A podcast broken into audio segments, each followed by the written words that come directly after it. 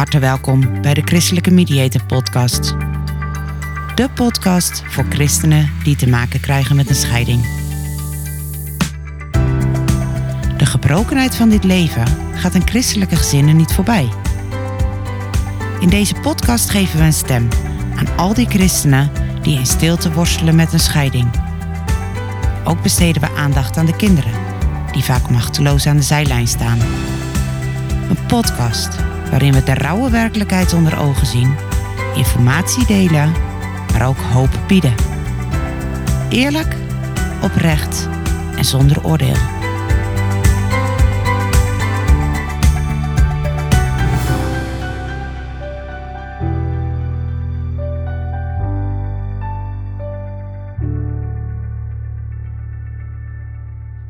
Welkom bij de Christelijke Mediator Podcast.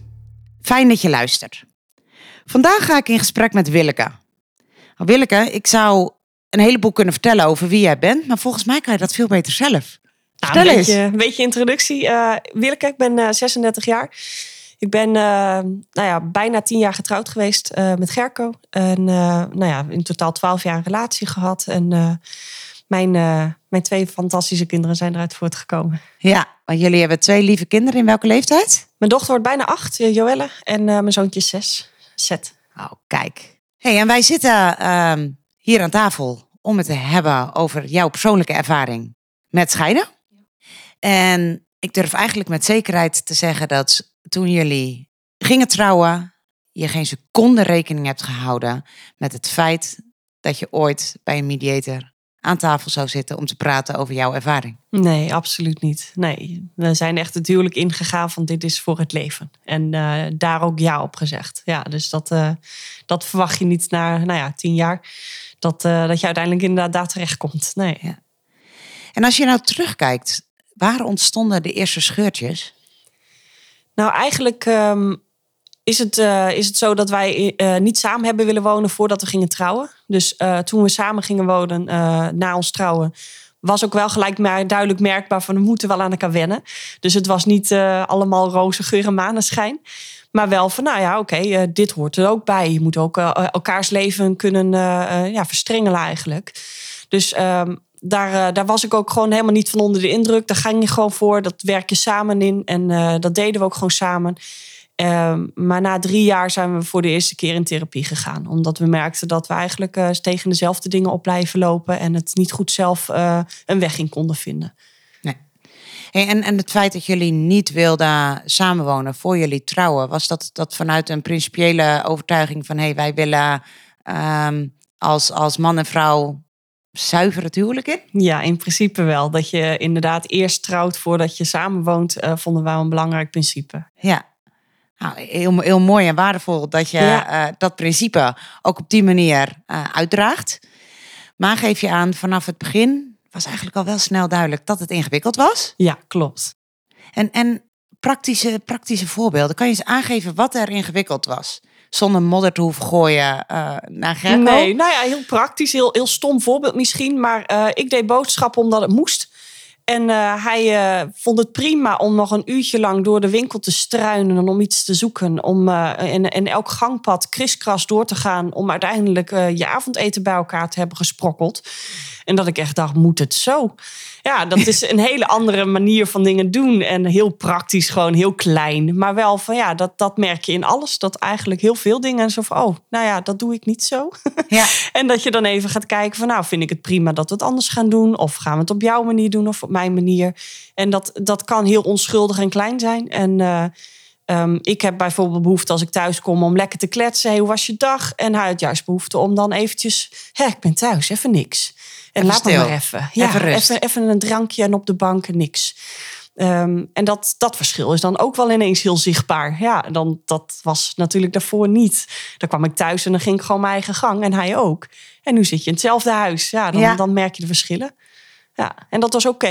Iedereen mag inderdaad gewoon op een andere manier eh, dan thuiskomen. Maar ja, dan is het wel even samen. Dan ja. is het wel zoeken Ja. van hé, maar hoe gaan we dit samenvlechten? Jij hebt iets nodig, ik heb iets nodig. En, en hoe gaan we dat doen? Ja. En na drie jaar, zeg je, jullie waren zo'n drie jaar getrouwd. En toen besloten jullie om in therapie te gaan, relatietherapie. Hoe was dat? Nou, we zijn in eerste instantie eigenlijk via de gemeente gegaan. Want we hoorden dat een marriage course was. Dus dat je met elkaar ook uh, nou ja, je huwelijk wil versterken. Dus daar zeiden we van nou, misschien is dat wat voor ons. Omdat we merken dat we eigenlijk wat meer houvast willen hebben. Uh, maar mm daar was te weinig animo voor op dat moment. Dus het ging maar niet door en het ging maar niet door. En toen hebben we uiteindelijk uh, via de mensen die dat organiseerden... Um, konden ons ook wel voor, doorverwijzen naar een goede relatietherapeute. Ja, en dan zit je daar voor de eerste keer. En dan nou ja, moet je eerst maar even kijken of dat de persoon is waar je, waar je inderdaad alles op tafel wil gooien. Maar gelukkig hadden we dat allebei wel, dat het wel goed zat, zeg maar. Het voelde goed.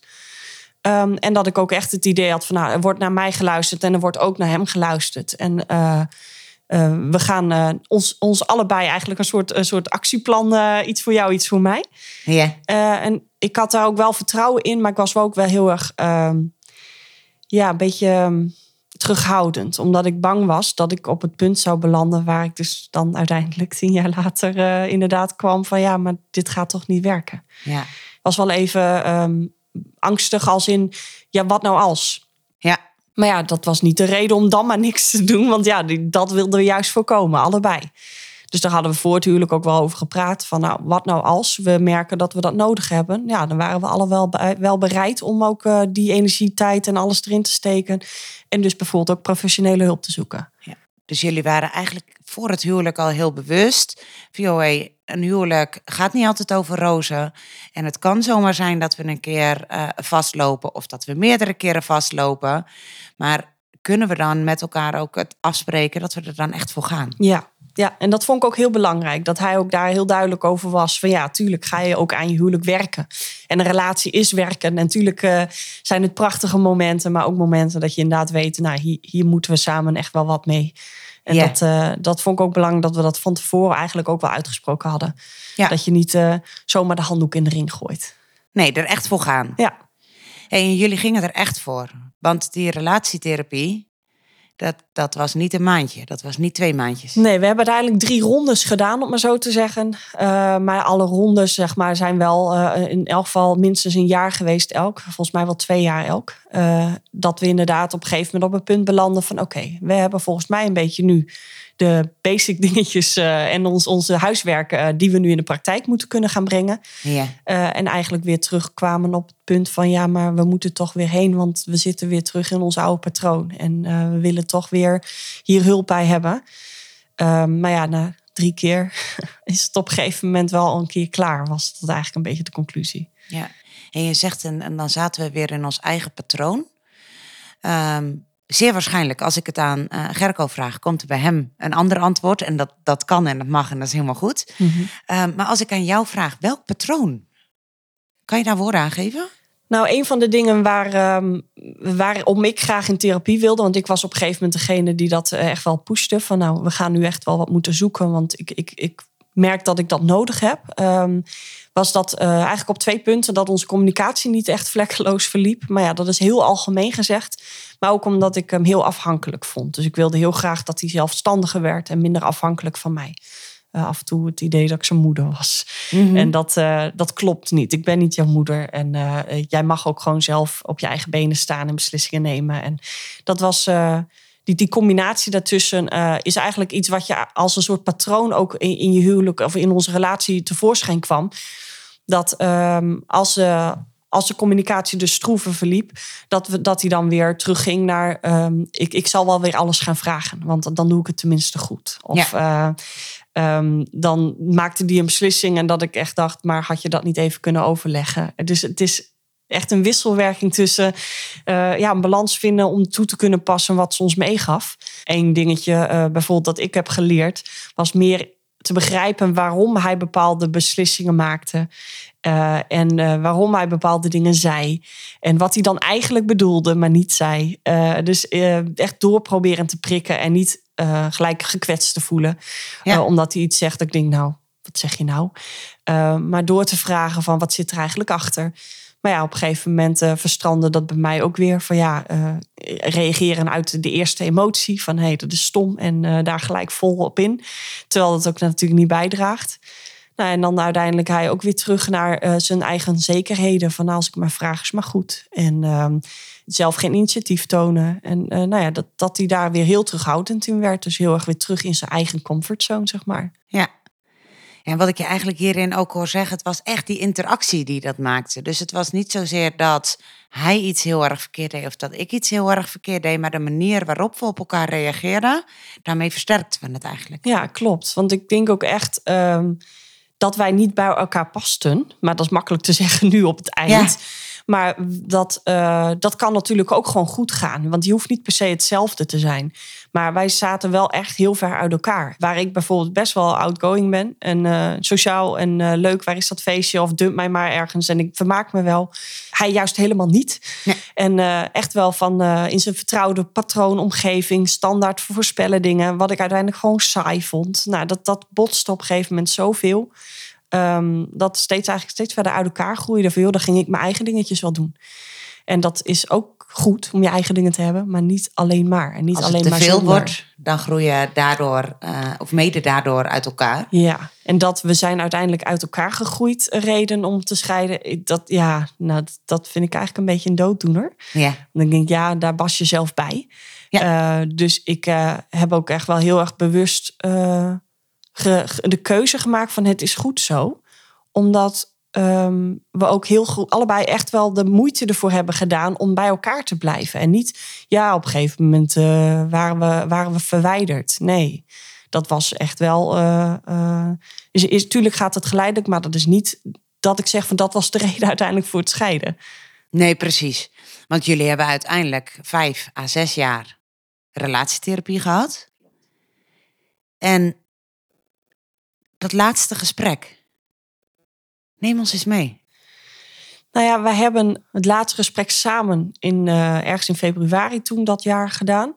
Waarin ik op een gegeven moment aangaf: ik kan niet meer nu energie stoppen in deze bodemloze put. Ik heb het idee dat ik heel veel energie, frustratie en alles kwijt ben en ik krijg er niks voor terug. Toen heeft, hebben we eigenlijk met z'n drie, daar was hij ook gewoon bij hè, toen ik dit zei. Dus dat is natuurlijk wel heel confronterend. Maar ik denk, ja, dit is gewoon hoe ik het nu voel. Mm -hmm.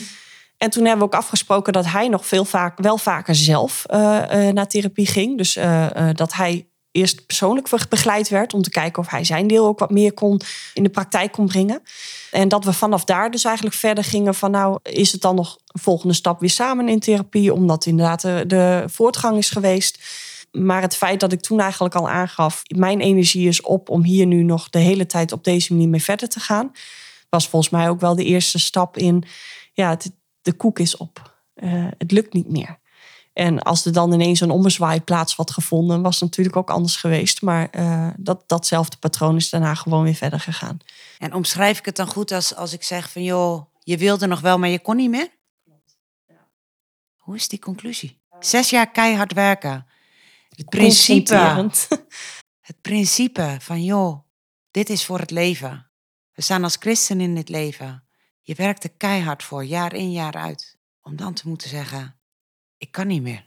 Ja, want dat was het ook echt. Ik heb op dat moment, toen ik daar bij die therapie wegliep, nooit niet. Ik heb mezelf echt gezegd: ik ga nu geen beslissing maken. Maar ik had wel het idee dat ik op den duur een beslissing moest gaan maken.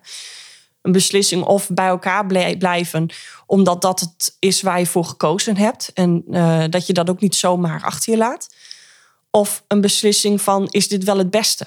Nou, hij is in de maanden daarna, nou laten we zeggen dat het uiteindelijk een half jaar verder was voordat ik uh, uiteindelijk tegen hem zei: Het is goed zo. Ik, ik wil eigenlijk nu op een andere manier met jou praten. In plaats van over al onze problemen, wil ik praten over hoe gaan we het anders gaan doen in de toekomst.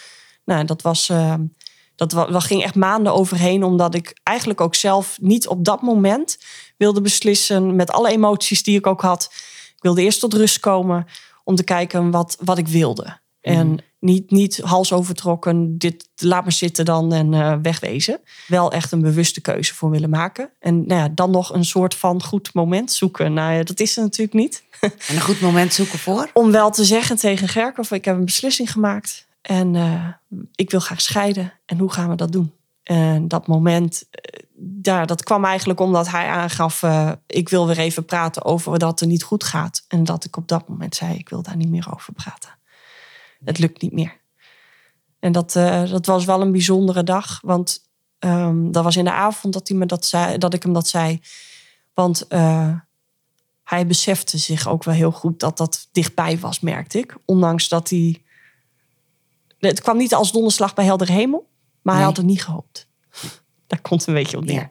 Hij had nog heel erg gehoopt dat er ergens nog een nooduitgang zou zijn. Ja, absoluut. En dat snap ik ook. En in de tijd daarna uh, hadden op een gegeven moment een opmerking geplaatst. Dat was in de week of twee daarna al. En dat verbaasde mij heel erg dat hij dat toen al kon zeggen. Maar dat hij zei: Ik, heb, uh, ik, ik zou altijd maar door zijn gegaan. En altijd maar blijven proberen. Maar ik weet niet of dat het beste zou zijn geweest. Ja. En even die confrontatie van: Ja, ik weet ook niet of dit het beste is. Maar ik geloof het nu van wel. En dat hij zich daar wel in kon vinden, zeg maar. Hij snapte wel waarom ik de beslissing maakte om uiteindelijk wel te willen scheiden. En dat heeft mij wel heel veel goed gedaan. Dat ik merkte van, nou, hij, hij had het zelf niet zo gewild. Ik ook niet. Nee. Maar we zijn het wel eens over, er moet iets veranderen. Jullie zagen allebei, zo kan het eigenlijk niet langer. Ja. en dan, dan valt het besluit. Het hoge woord is eruit.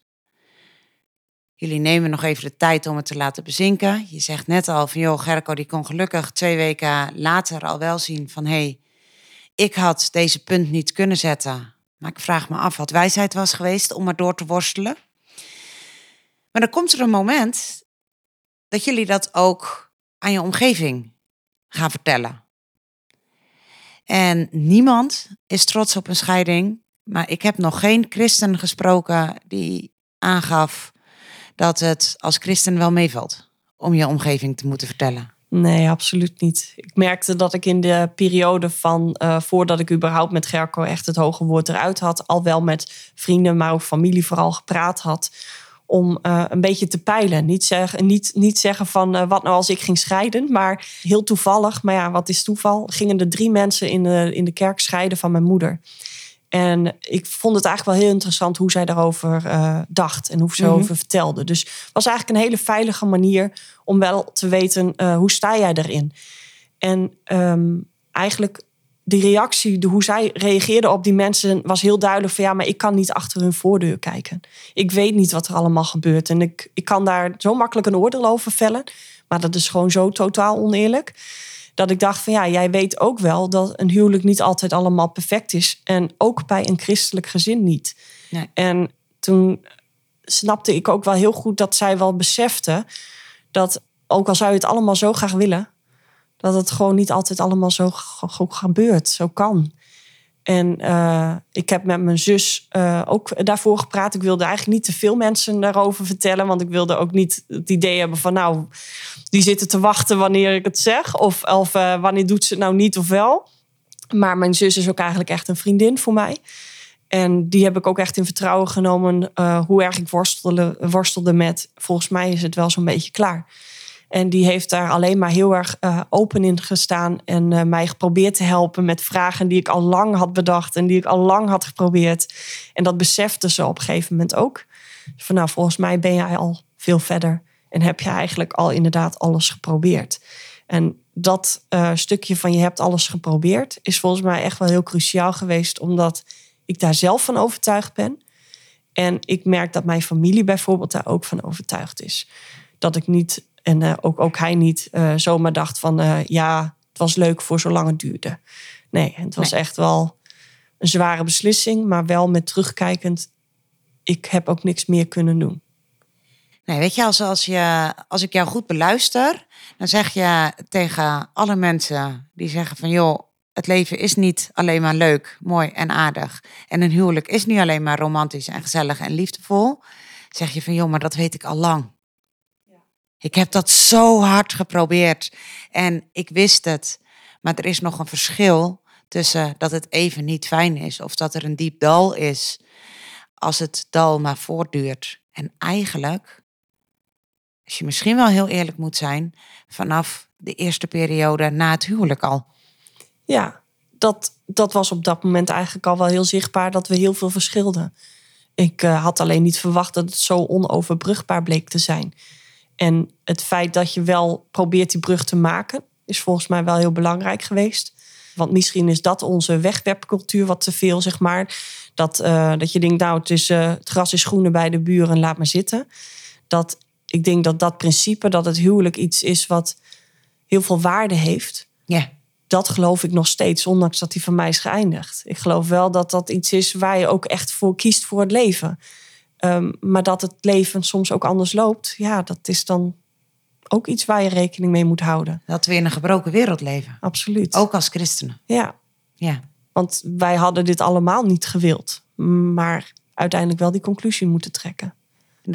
Weet je, de gebrokenheid van deze wereld, die, we weten allemaal dat die er is. En ik denk dat we als christenen die nog meer beamen uh, dan de niet-christenen om ons heen. En toch op het moment dat het over ons huwelijk gaat, dan mag die gebrokenheid er niet zijn of zo. Klopt. Ja, en ik was ook echt wel bang voor de veroordelingen om me heen. Ja. Omdat ik zoiets had van, nou ja, ik zal degene zijn die ze aan gaan wijzen van jij bent de schuldige. En dat is ook wel gebeurd, ook mm -hmm. binnen de kerk. En dat vind ik wel heel erg jammer.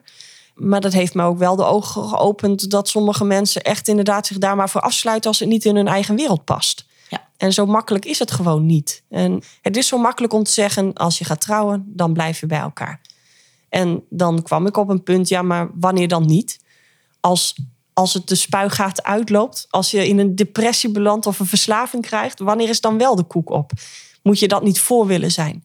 En dat was uiteindelijk wel de reden dat ik zei van ja, maar ik moet niet gewoon maar doorgaan en maar doorgaan, want het gaat alleen maar de verkeerde kant op. Dan moet je ook maar een conclusie durven trekken. Nou, weet je, ik, ik sprak laatst mensen en een van beiden was vreemd gegaan. En toen we dat gingen uitdiepen, van, waar is, is dat ontstaan? Hoe is dat zo gekomen? En uiteindelijk kwam eruit van, joh, maar dan heb ik in ieder geval een bijbelse grond om te kunnen zeggen, nu is het klaar.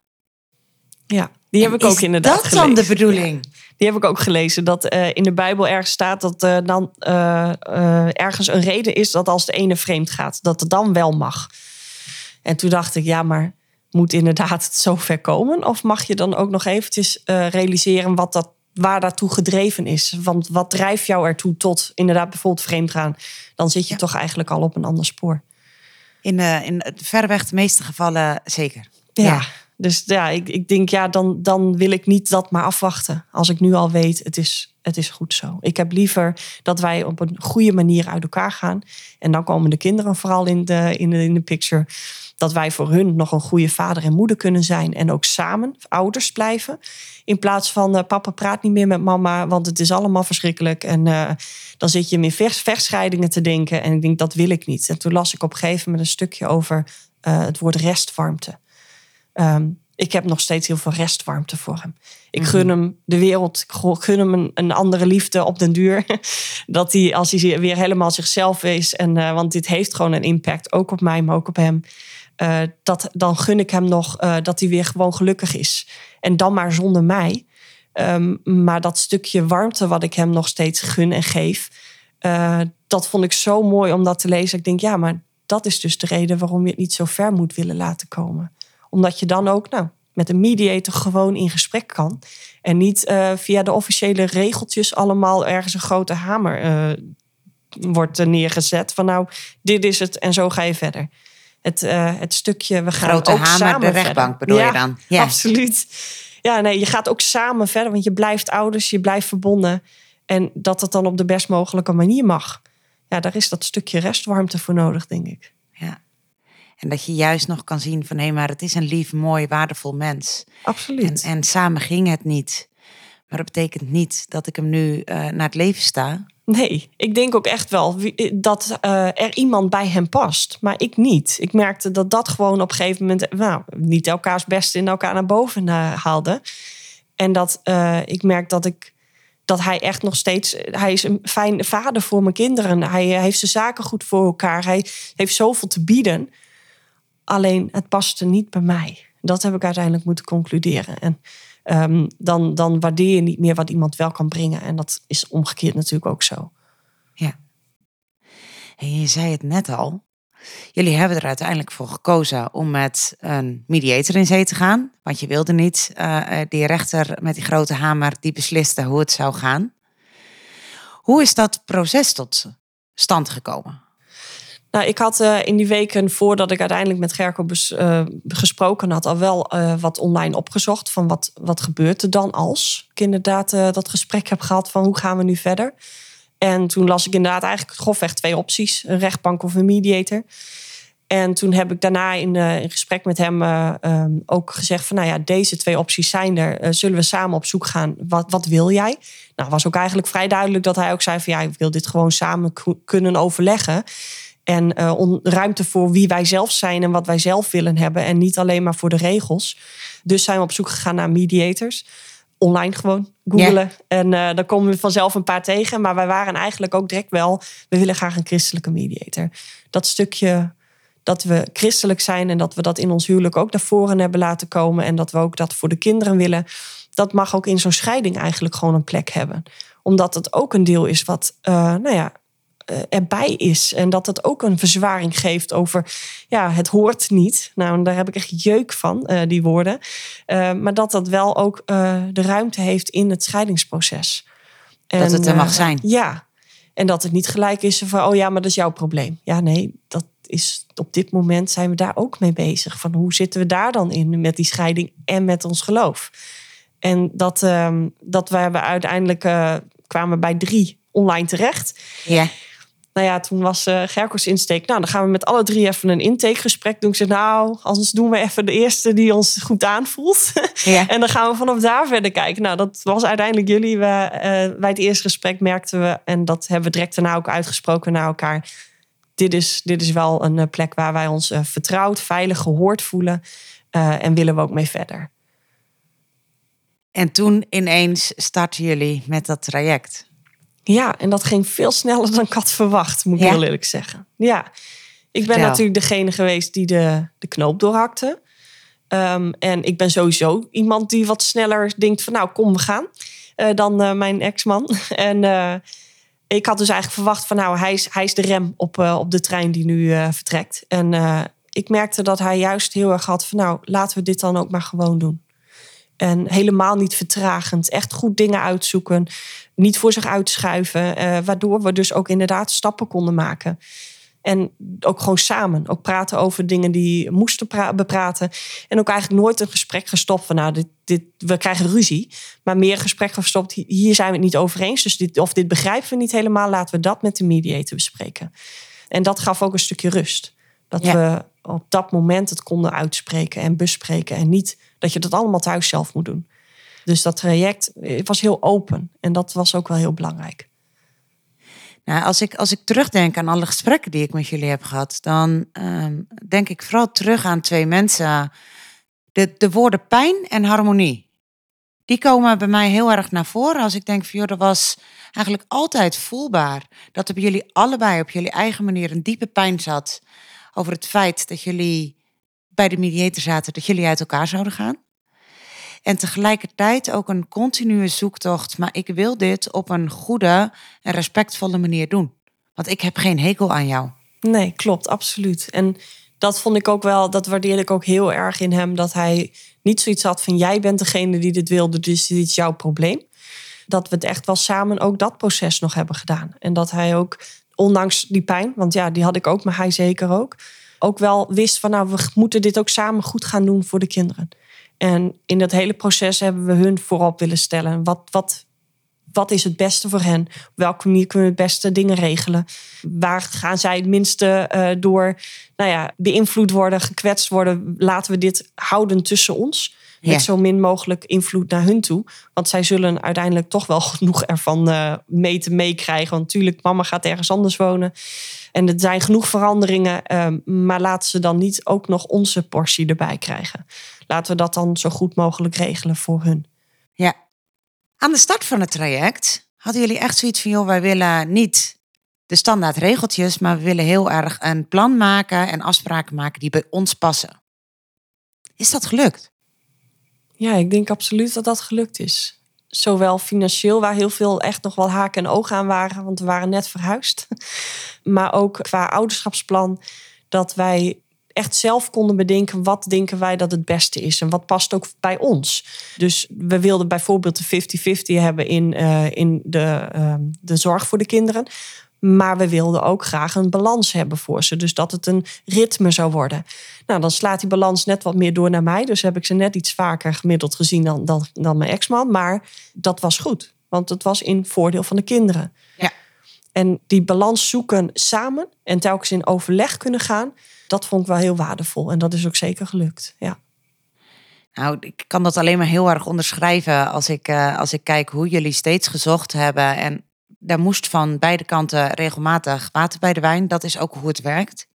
Maar jullie hebben steeds gezocht naar wat is het beste voor de kinderen en hoe verhouden wij ons als ouders daartoe. En die pijn en harmonie die ik eerder al omschreef, die konden in jullie geval, konden ze niet alleen hand in hand gaan, maar jullie stonden het ook beide toe. Het mocht ook hand in hand gaan. Dus die pijn mocht er zijn. Ja, zo heb ik dat ook ervaren. Jullie hebben af en toe elkaar ook gewoon letterlijk aangekeken met tranen in de ogen. En, en hoe kan het toch dat we hier zitten? Ja, hebben we ook uitgesproken. Heeft hij ook veel vaker gezegd, ook uh, naast onze gesprekken, van ja, ik zit elke keer te denken, hoe zijn we hier nou beland? En inderdaad, dat je dus inderdaad die pijn ook gewoon uitspreekt. Maar ook gelijk weet van ja, en nu? Hoe gaan we dat dan doen? Waar gaan we, hoe gaan we daarmee om? Wat willen we nu? En elke keer ook in de we. En niet als ik mijn eigen argument goed heb. Want uiteindelijk is dat ten nadele van de moeder van je kinderen of van de vader van je kinderen. En dat wil je ook niet. Dus dat, dat daar ook inderdaad die harmonie dan terug te vinden is. Dat merk ik in hoe wij niet uh, elkaars vliegen af gingen vangen. Van nou, als ik dit maar heb, dan uh, red jij je wel. Ja. Maar ook gewoon ja, dat, die gunfactor. Zo van ja, maar ik wil ook dat jij het goed hebt. Ook nadat wij gescheiden zijn, gun ik jou en wil ik graag dat jij het goed hebt. En het is echt het stukje elkaar uit liefde loslaten. Ja, dat vind ik heel mooi verwoord. Ja. Ja. Ja, want ik denk dat hij uiteindelijk meer kan groeien zonder mij. Dat geloof ik oprecht. En dat jij meer jezelf kan zijn zonder hem. Ja, absoluut. En daarmee ook kan groeien en bloeien. Ja, en dan ook dus uh, een betere ouder kan zijn voor mijn kinderen. En dat vind ik echt een hele belangrijke factor. Dat ik op een gegeven moment ook merkte van ja, ik ben nu veel meer de moeder die ik wil zijn. En dat, dat, in dat proces zit ik nu nog steeds volop. Dat ik merk van nou, ik moet toch echt wel weer helemaal terug naar een plekje vinden. En met alle heisa eromheen. En uh, toch nog dat ik nu al merk dat ik dat ik meer een moeder ben zoals ik zou willen zijn. Zonder te veel frustraties of te weinig energie. Uh, wat het huwelijk uiteindelijk echt wel veel gekost heeft.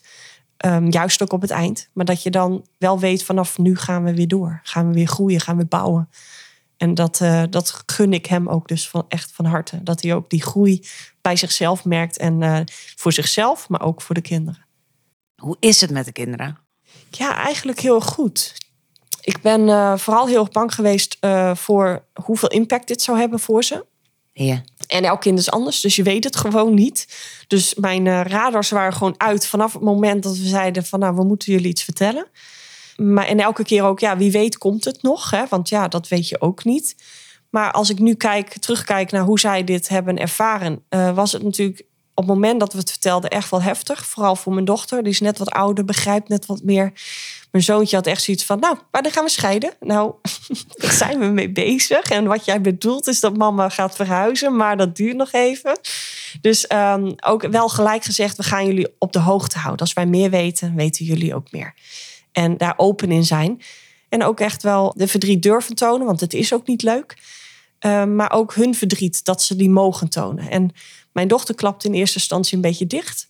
Uh, die vertelde het wel, maar dan wilde ze er ook niet over praten. En dan zei ze ook later, ja, maar als ik dan erover praat, ga ik huilen en dan moet iemand mij troosten. Die, en ik wil niet door hun getroost worden. Dat wil ik door papa of mama. Ja. Ja.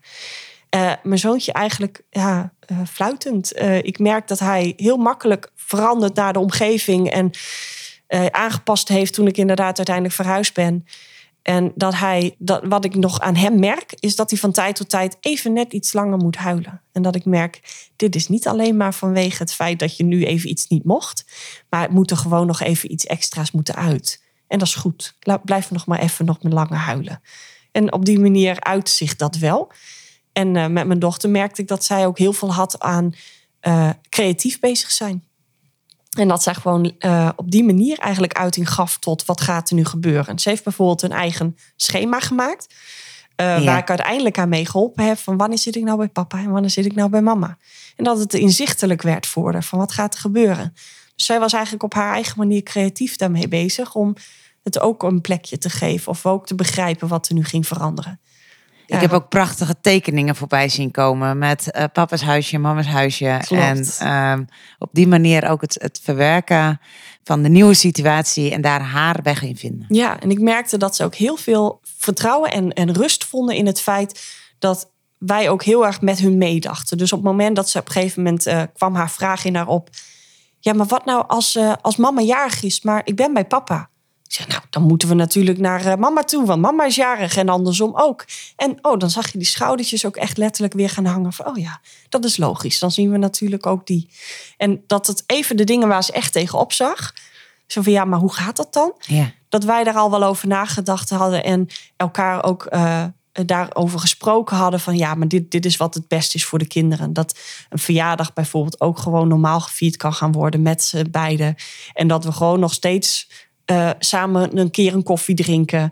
Uh, en dat dat gewoon nog kan. En niet dat het allemaal uh, een, een scheiding is van op het moment dat je bij papa bent, bestaat mama niet meer en andersom. Zo is het. Jij hebt twee levens, één bij papa, één bij mama. Ja, nee, dat- nee. jij hebt gewoon één leven. En dan woon je af en toe daar en daar. eh, maar we zijn nog wel gewoon allebei jullie vader en jullie moeder. En daar gaan we het ook zo blijven doen. Want hoe doen jullie nu de overdrachtmomenten? En dan bedoel ik de momenten eh, dat uh, Joelle en Zet een paar dagen bij mama zijn geweest. Dan gaan ze naar papa. Hoe ziet dat eruit? Nou, eigenlijk is de overgang van, uh, van uh, papa naar mama uh, via school. Dus Ja. eigenlijk haal ik ze van school af, eh, terwijl hij ze gebracht heeft. Dus dan spreken en zien we elkaar eigenlijk niet. En dan weten ze ook van, oh, mama komt mij vanmiddag halen. Ja. Um, op het moment dat uh, ik ze naar hem toe uh, breng, dan breng ik ze ook met, op zaterdagochtend is dat. En dan blijf ik ook eventjes een kopje koffie drinken. Even echt ontspannen zitten, even kletsen. Misschien zijn er nog wat dingen dat je even moet weten voor de komende week, want de gymtas moet weer mee. Maar dat er ook eventjes rust en ruimte voor is. Terwijl zij ondertussen al lekker bezig zijn om te spelen, kunnen wij nog even kletsen. Hoe is dat voor jullie? Of in ieder geval voor jou? Hoe ervaar je dat om dan met hem te kletsen? Ja, eigenlijk goed. Het is nooit vijandig of uh, wat doe jij hier of wanneer ga je weg. Het is meer van uh, wil je nog een kop koffie? Dus heel ontspannen. En ook gewoon goed dat je elkaar eventjes uh, in de ogen aankijkt en weet van nou hoe was het en zijn er nog bijzonderheden. En het is eigenlijk gewoon heel relaxed. Ik merk ook wel dat ik dan op een gegeven moment wel zoiets heb van nou ik ga wel weer weg, want dit is jouw domein, het is nu voor jou en ik, ik wil weer eventjes mijn eigen mijn eigen ritme weer terugpakken. Uh, dus het is goed dat ik daar dan niet gewoon de hele ochtend blijf of zo. Maar wel even gewoon dat rustmomentje. En ik merk dat de kinderen dat ook wel heel fijn vinden. Dat ze gewoon merken van, oh, ze praten gewoon. Ja, ja. Dit, dit kan gewoon zo. De Klopt. meeste kinderen hebben ook voorbeelden van uh, andere kinderen om hun heen. Waarbij het allemaal uh, minder soepel loopt. En dat kan echt een schrikbeeld zijn. Dus hoe fijn is het als papa en mama dat op een ontspannen manier kunnen doen. Gewoon met elkaar kunnen overleggen. En de kinderen uh, alles behalve boodschappers worden tussen papa en mama. Maar gewoon lekker kind mogen zijn en mogen rommelen. Absoluut. En ja. spelen. En dan, dan is er gewoon ook ruimte voor als ze wel even ergens mee zitten. En dan maakt het niet uit of dat bij papa of bij mama is. Nee. En ik merk dat dat nog steeds hetzelfde is. Dat ze zich nog steeds thuis voelen bij hem en nog steeds thuis voelen bij mij. En dat, dat is goed. Dat zie je dan ook even. Dat is die bevestiging als je dan de kinderen daar brengt. En ze al binnen twee minuten de katten hebben gevonden en het speelgoed. Dat je denkt, oké, okay, die zijn ook weer even helemaal thuis hier. En dat Zo is het. Ja. Hey, als moeder weet ik nog dat ik het echt in het begin vreselijk moeilijk vond. Om de situatie bij papa thuis los te laten. Papa die deed de dingen allemaal op zijn eigen manier. En die waren echt niet slecht. Maar ze waren wel heel anders dan dat ik ze zou doen. Mm -hmm. Heel Hoe is dat voor jou? Heel herkenbaar. ik merk dat ik uh, het kleine stukje wat ik meekrijg, want het is natuurlijk niet heel hoeveel ik uh, meekrijg nu, uh, nu ze gewoon bij hem zijn dan, op zulke momenten, dat ik wel al merk van oké, okay, dit is niet hoe ik het zou doen. Maar dat is ook maar goed ook, weet je, het is niet per se negatief. Het is meer zijn manier. En dat leren, die kinderen leren dat ook kennen. Oh, dat is hoe papa het doet en dat is hoe mama het doet. Dus als ze dan uh, een opmerking uh, naar mij toe gooien van bij papa mag dit wel, dan zeg ik nou heel fijn, bij mij niet. Ja, en dan, ja, zo dan is, dat zo, ja. En dan andersom ook. En dat, uh, dat merk ik dat ik daar eigenlijk relaxen mee om kan gaan, omdat ik wel gewoon vertrouwen in heb dat hij er voor hen is en ze kan verzorgen. En uh, een goede papa wil zijn. En niet zo van, joh, je red je wel, hè? Uh, hij is er voor ze. En dat, uh, dat vertrouwen dat ik dan daarin heb, zorgt er ook voor dat het makkelijker is om het los te laten. los van het feit dat ik het echt verschrikkelijk vind om ze achter te laten. Want dat is gewoon niet leuk. Nee, want je zegt het is verschrikkelijk om ze achter te laten. Met dat je het zegt, kan de luisteraar natuurlijk niet zien, maar staan de tranen in je ogen. En bij jou werkt het een beetje zo dat je in eerste instantie dan, dan lijkt het of je lacht. Maar uiteindelijk zit daar echt wel een, een pijn en een verdriet onder. Als je je kinderen achterlaat, laat je een stukje van jezelf achter? Absoluut. Ja, zij horen bij mij. Ja. En de wetenschap dat ik ze gewoon weer terug ga krijgen. En dan is het de ene keer twee, drie of vier dagen. Dat, dat stelt me gerust. Maar dat houdt niet die pijn weg. Nee. Dat is ook ehm, waar ik het meest tegenop zag toen ik um, besloten had van nou, we moeten nu gaan scheiden en dit is nu het beste. Dat ik wist, dat stukje, dat ga ik het ergste vinden van allemaal. En dat klopt ook. Ja. En dan is het ook nog eens zo dat we in een tijd van corona leven, waarbij je normaal even eh, wat makkelijker zou kunnen zeggen: van, joh, ik ga even bij uh, mijn zus langs of ik ga even bij een vriend of vriendin langs. Ben je nu veel meer gebonden, mede ook nog eens door de avondklok, ja. ben je veel meer gebonden aan je eigen huisje. Klopt. En is er minder afleiding en is die stilte en zijn die bedjes, uh, nou is die stilte wel heel groot en zijn die bedjes wel heel leeg. Ja, het is heel confronterend. En ik hoor van alle kanten van de kosttijd. denk ik nou leuk. En nu dan?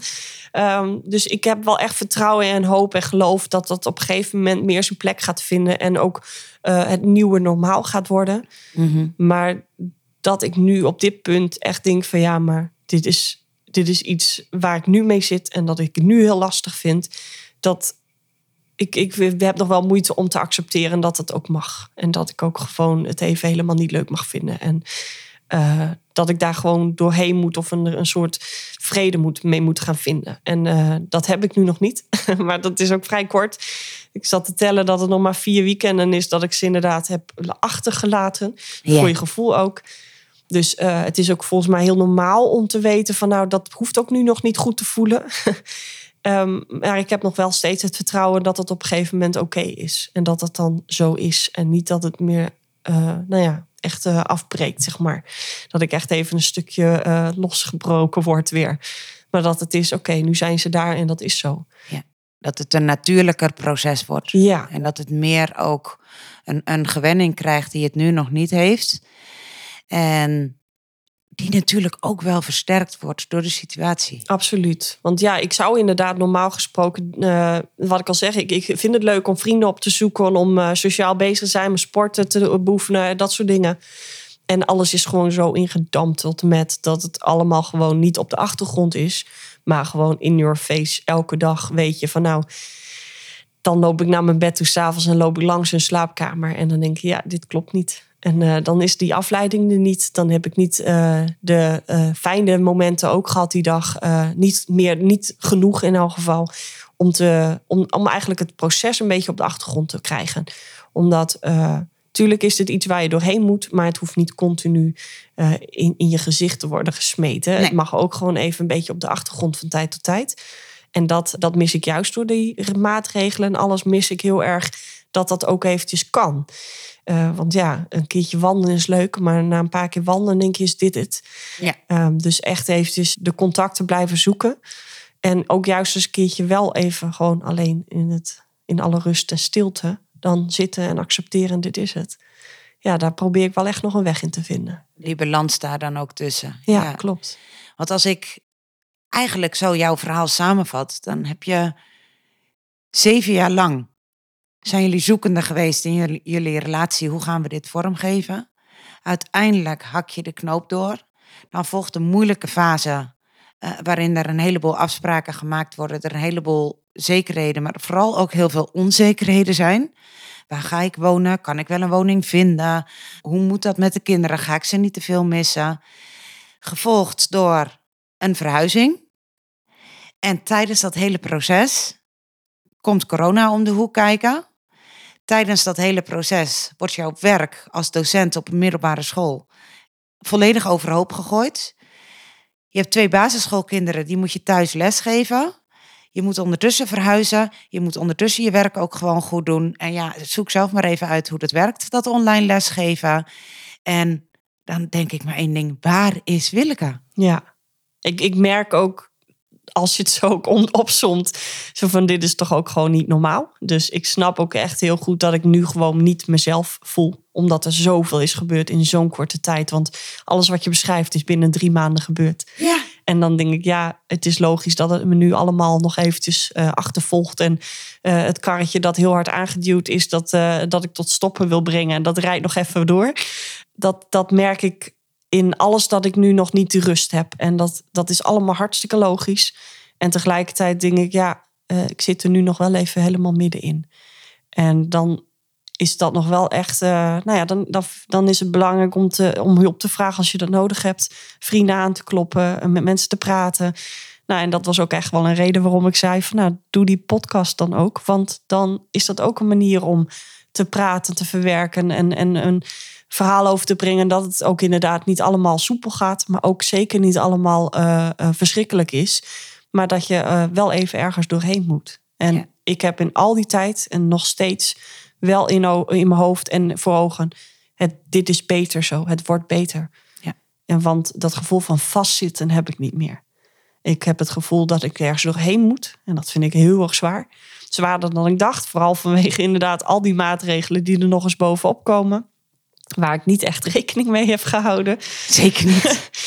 uh, maar dat ik dan wel weet van ja, maar daar gaan we uiteindelijk meer van krijgen terug. Je wordt groter van, je gaat groeien. Het wordt beter nu. Uh, en dat is ook wat ik hoop, nou ja, dat de kinderen dat ook opvangen, dat het beter is nu. En niet de. We hebben nooit echt ruzie gemaakt waar ze bij waren. Maar de, de spanning, de, de stress, de hé, hey, waarom is mama zo moe? Uh, dat krijgen ze mee. En ik hoop dat zij ook dus uiteindelijk daar uh, de vruchten van gaat plukken. Nou, ook al denk ik dat wij, in elk geval ik, er nog wat dieper doorheen ga dan de kinderen. Um, maar dat vind ik ook fijner. Dat ik niet hun zie, zie kwellend ergens doorheen gaan, maar dat ik het gewoon zelf doe. Ja. En dat zij gewoon lekker kind zijn. Dus na al die jaren van klem zitten, is dit een hele moeilijke periode. Maar wel een periode waarvan je zegt, ik geloof dat er licht is aan het eind van die tunnel. Ja, ik moet er doorheen. En dat is echt niet zomaar iets. Um, en het valt me ook op het moment echt wel zwaar en zo ook tegen. Maar ik, uh, ik zou niet terug willen van, uh, had ik het maar niet gedaan. Ik heb geen enkele keer spijt gehad. Hey Willeke, ontzettend bedankt voor jouw rauwe en eerlijke verhaal. Want dat is ook precies wat we met de Christelijke Mediator podcast willen doen. De rauwe, eerlijke verhalen vertellen. Niet mooier uh, en niet minder mooi dan dat ze zijn. Gewoon jouw authentieke verhaal. Jullie authentieke verhaal. En ik wil jullie echt meegeven, en dat heb ik eerder ook al gedaan. Jullie mogen zo trots zijn hoe jullie ondanks de pijn waar jullie doorheen zijn gegaan. En waar jullie nog steeds doorheen gaan. Blijven zoeken naar een, een eervolle, liefdevolle manier van afscheid nemen als partners. Maar ook een liefdevolle manier van blijven samenwerken als ouders. En soms lijkt het makkelijk om voor de botte bijl te kiezen. En op de korte termijn denk ik dat dat ook wel eens makkelijker kan voelen. Maar jullie geven zo'n groot cadeau aan jullie kinderen, aan elkaar, maar ook aan jullie zelf echt heel veel respect voor jullie allebei. Dat is fijn, fijn om te horen. Het, uh, zulke woorden zijn, maken wel heel veel indruk. Vind ik heel fijn. Hey, dankjewel voor het delen van jouw verhaal. Dank voor het luisteren naar de Christelijke Mediator podcast. Mocht je behoefte hebben aan advies of aan een luisterend oor, schroom niet. Neem vooral even contact op. Kan via www.christelijkemediator.nl. We helpen je graag. Je staat er niet alleen voor. Wil je geen aflevering meer missen? Abonneer je dan op de podcast in je favoriete luisterapp.